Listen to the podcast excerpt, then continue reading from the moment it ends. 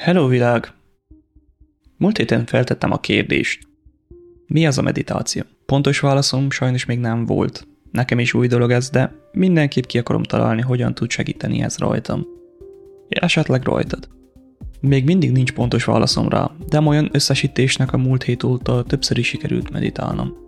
Olyan nagy eredményt ugyan nem értem el, de annyi biztos, hogy a jelenleg nálam levő WUP adatai alapján sikerült nyugalmi állapotba kerülnöm többször is.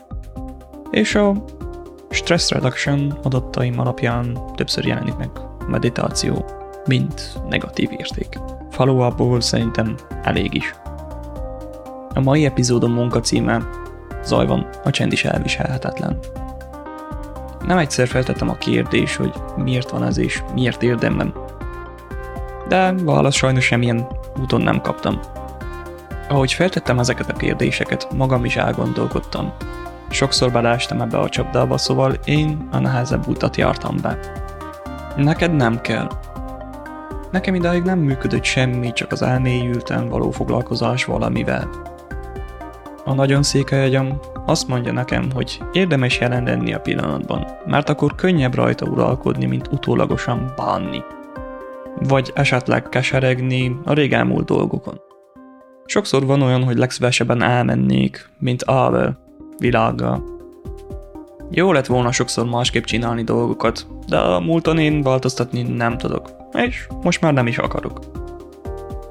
Annyi opcióm maradt, hogy gyakorlom a jelenlevést. Sokszor ugyan nehéz, mert a stressz alatomos módon kezdi a főzógáson keresztül, hogy most nem alkalmas. Zaj van. A szomszéd kalapál, a kutya ajaggat, másik szomszéd füvet nyír, az asszony zakató, a gőzel szívó hangos, a mosógép sípol.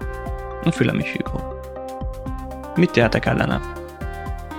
Úgy gondolom, ez a legpontosabb leírása annak, hogyan éreztem magam hosszú ideig. Mindaddig, amíg el nem tudtam fogadni azt, hogy ezentúl ilyen az életem. Szóval a kérdésre a válaszom egyszerű. Elfogadom.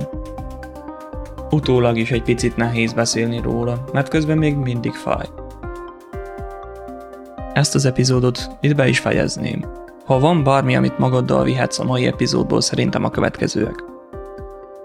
A főzúgásod a tiéd. Érezheted rosszul magad, nincs azzal baj. Te vagy az, aki irányít, nem a rosszul lét téged. Végezetül köszönöm, hogy meghallgattál. És mint mindig, jövő héten jelentkezem újra.